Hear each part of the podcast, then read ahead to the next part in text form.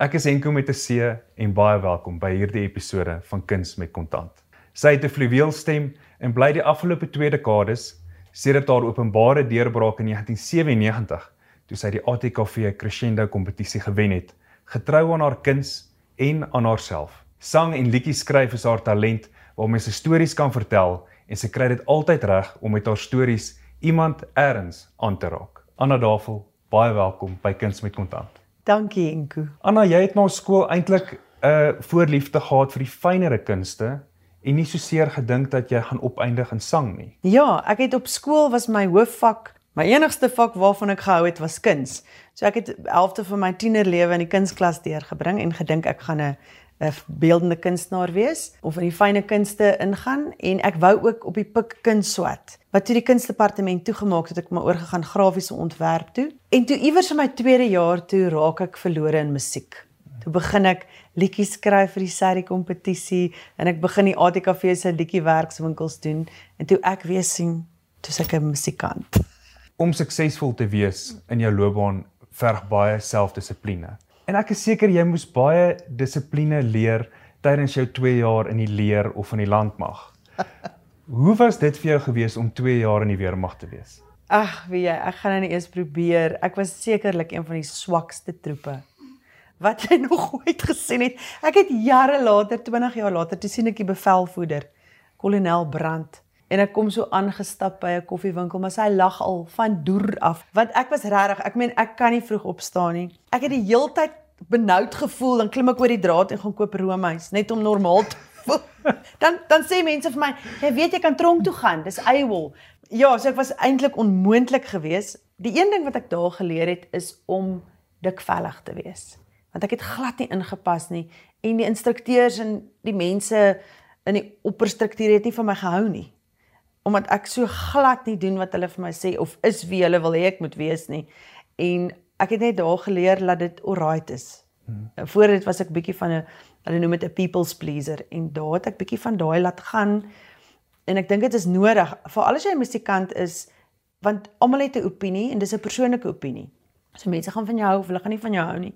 En jy kan fisies niks daaraan doen en jy moenie laat dit jou stop nie, want jy werk en jy maak musiek vir die mense wat daarmee aanklank vind en die mense wat nie daarmee aanklank vind nie, moet gaan. Ja. You know, you you can't stop doing what you do en jy kan nie ophou om te wees wie jy is nie want musiek is baie nou aan jou persoonlikheid en jou identiteit as 'n mens. En dit is net maar so, jy kan nie net copy and paste en skep.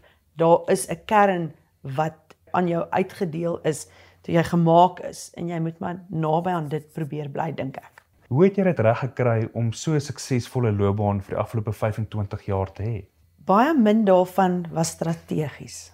Ek weet mense sê jy moet 'n 5 jaar plan en 'n 10 jaar plan hê, maar ek het baie op my instink gewerk. En baie dinge het ek gedoen sonder dat ek geweet het dat dit uiteindelik vir my sal werk.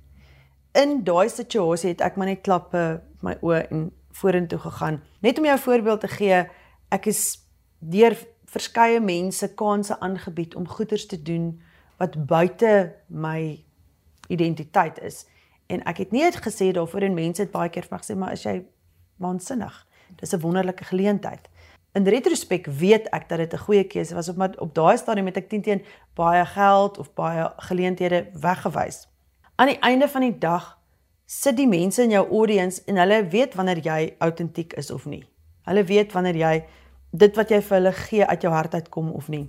So ek is bly ek het op die ouend nie 'n platemaatskappy gehad nie, maar hulle sou die musiek wat ek opneem verander het en hulle sou ander tipe melodieë, ander tipe ritmes vir my gegee het want hulle wil weer meer verkoop.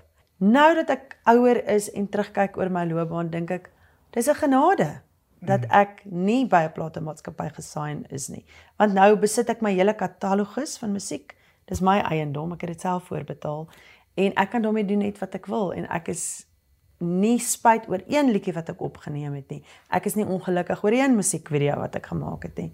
En ek kan rustig gaan slaap in die aande en ek vermoed iemand anders sou my dalk oortuig het om ander goeders te doen waarop ek dan nou nie vandag trots sou gewees het nie. Mm. En tog is almal in die uitvoerende kunste plannemakers en jy was een van hulle veral tydens die COVID periode en grendeltyd want jy het begin skilder. Ja. So het ek die dag toe hulle nou aankondig dat ons nou alles moet kanselleer, was ek op pad na die KAKNK toe. Vriende van my het my toe gebel en gesê hoorie, hulle wil graag hê dat ek daar in Rosendal by hulle kom lockdown. Hulle het geweet ek kook nie so goed nie en ook weet weet dat ek nie alleen is nie. So toe het ek in my kar geklim en na hulle toe gery en wat ek toe ingepak het is my kunsgoedjies wat ek toe nou al vir jare afskeep. En ek dink toe wel nou het ek my kans want altyd vra mense vir my wat wil jy graag doen as jy nie musiek gedoen het nie dan sê ek ek mis kuns, ek mis dit om te teken. Tog ek wil nou het ek 3 weke. Ja. Gaan nou lekker teken. En ek het. Maar ja, toe het ek begin en toe weet ek nie wat om met hierdie prente te doen nie want dit gaan nou daar in 'n laai lê. Toe sit ek dit op Facebook en ek sê vir mense maak 'n offer, ek wil dit hê nie. Koop wat ook al jy vir my gee, R10, R5, vat dit net. En toe bi die mense en toe ek weer sien toe ek 10 skilderye of illustrasies verkoop en toe doen ek dit weer met woorde 2 en toe doen ek dit weer met woorde 3. So ek het 4 uitstallings in daai tyd gedoen. En dit het my lewe gered want toe kan ek my rekeninge betaal. En toe besef ek hierdie is regtig iets wat ek in die toekoms in gedagte moet hou want veral as jy 'n vrou is, jy wil nie noodwendig op jou ou dag van dorpie na dorpie alleen alleen ry met jou kar en gaan toer en gaan sing nie. So iewers moet daar 'n oorskakeling gebeur waar ek ietsie kan doen wat ek kan doen tot ek 80 is of 90 want vir my om polisse en pensioen was nou net nie noodwendig moontlik vir my gewees om sulke goederes in plek te sit nie. So ek ek gaan teen teen werk vir lank vir langer as ander mense, maar ek wil ietsie doen wat ek kan by my huis doen en jy kan skilder tot jy 80 is. Ja. Kyk vir tannie Betty Silje Barnard. Ja. Wat 'n ongelooflike vrou was sy nie en sy het in die oggende 8uur begin paint, 5uur opgehou en 'n totale se professie gesien. Ja. En geskilder tot heel aan die einde. Dis so ek dink altyd aan haar. Kuns is baie kalm. Ek sit by die huis, luister RSG en teken die hele aand. En daar het nog iets moois en goeds met jou gebeur mm. tydens daai grendeltydperiode en dit is dat jy een van die baie min mense is aan wie 'n huislening toegestaan is. ja. Hoe het dit gebeur en hoe het jy dit reggekry? Ek was so geskok. Ek het nog altyd 'n droom gehad om Kaap toe te trek. Ek het vir 26 jaar in Pretoria gewoon. Ek het daar geswat ook by TUT. So 'n maand voor lockdown toe kry ek toe nou 'n plekkie. Ek maak 'n aanbod en uh toe gebeur COVID en dog ag ek gaan mos nou nooit in my hele lewe gaan enige bank 'n band gee vir 'n sangeres in COVID nie. En toe het ek so 'n paar maande later het iemand obviously nie mooi sy papiertjies gelees nie. vir my gesê hier's vir jou 'n band. En toe het ek net daai skuif gemaak. So dit was absoluut 'n chaos. Ek het in die middel van 'n groot toer en groot projekte en so het ek maar net in 2 weke my hele huis opgepak en getrek en is, is so lekker vir my nou om in die Kaap te woon. Ek is so gelukkig daar en ek kan elke middag op die strand gaan stap. En is dit soortgelyk aan die emosies waardeur jy gegaan het toe jy nou onlangs by KAKNK jou Anna Davel 21 vertoning gehad het? Jogg, dit was baie spesiaal. Ek het toe nou teruggegaan en besef dat ek 21 jaar terug my CD vrygestel het in 'n garage in die hoofstraat van Oudtshoorn tydens die kunstefees. En ek het gaan kyk wie almal daar was. Dit was Janie de Tooy en Christa Steyn en Myne Groewe en soveel mense wat my geïnspireer het en met wie ek nog steeds vriende is. Baie nostalgies geweest om so die pad te stap en met die audience deur al die snaakse konserte en al die dramas en karre wat breek en ja, klanktoerusting wat nie uitwerk so. Was so lekker om deur daai journey te gaan.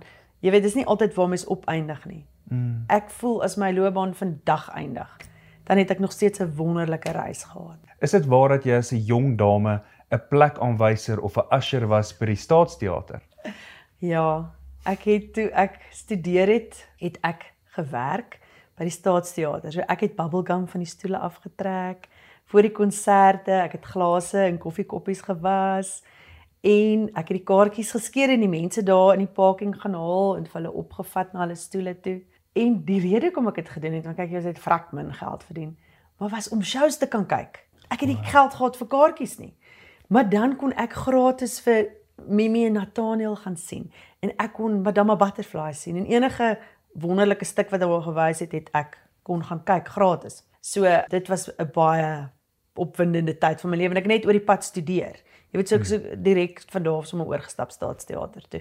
Wat is daardie spesifieke waardes waaraan jy vashou as dit kom by jou autentieke handelsnaam Anna Davel? So ek probeer altyd 'n baie eenvoudige ding wat ek nie as 'n jong meisie altyd gevolg het nie nou baie konsekwent na te volg en dit is respek.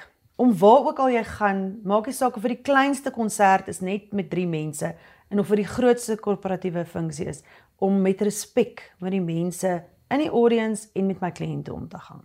Dis my baie belangrik. En dan om waarde vir geld vir mense te gee. Jy weet sodat ek vir hulle die maksimum gee vir wat hulle kan bekostig sodat hulle die beste ervaring kan hê, beste show, beste energie, beste geselsies wat ek kan gee.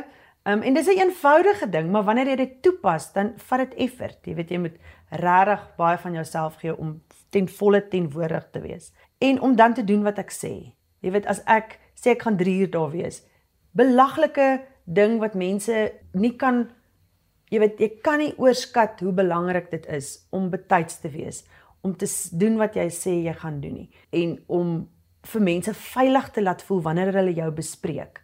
Want een laat kom of een onprofessionele optrede of een keer wat jy jou woorde vergeet of wat ek al kan so ongelooflik baie skade doen. So ek probeer dat mense veilig voel wanneer hulle my bespreek en ek opdaag dat hulle weet ek het net soveel respek vir hulle funksie en vir die konsert as hulle.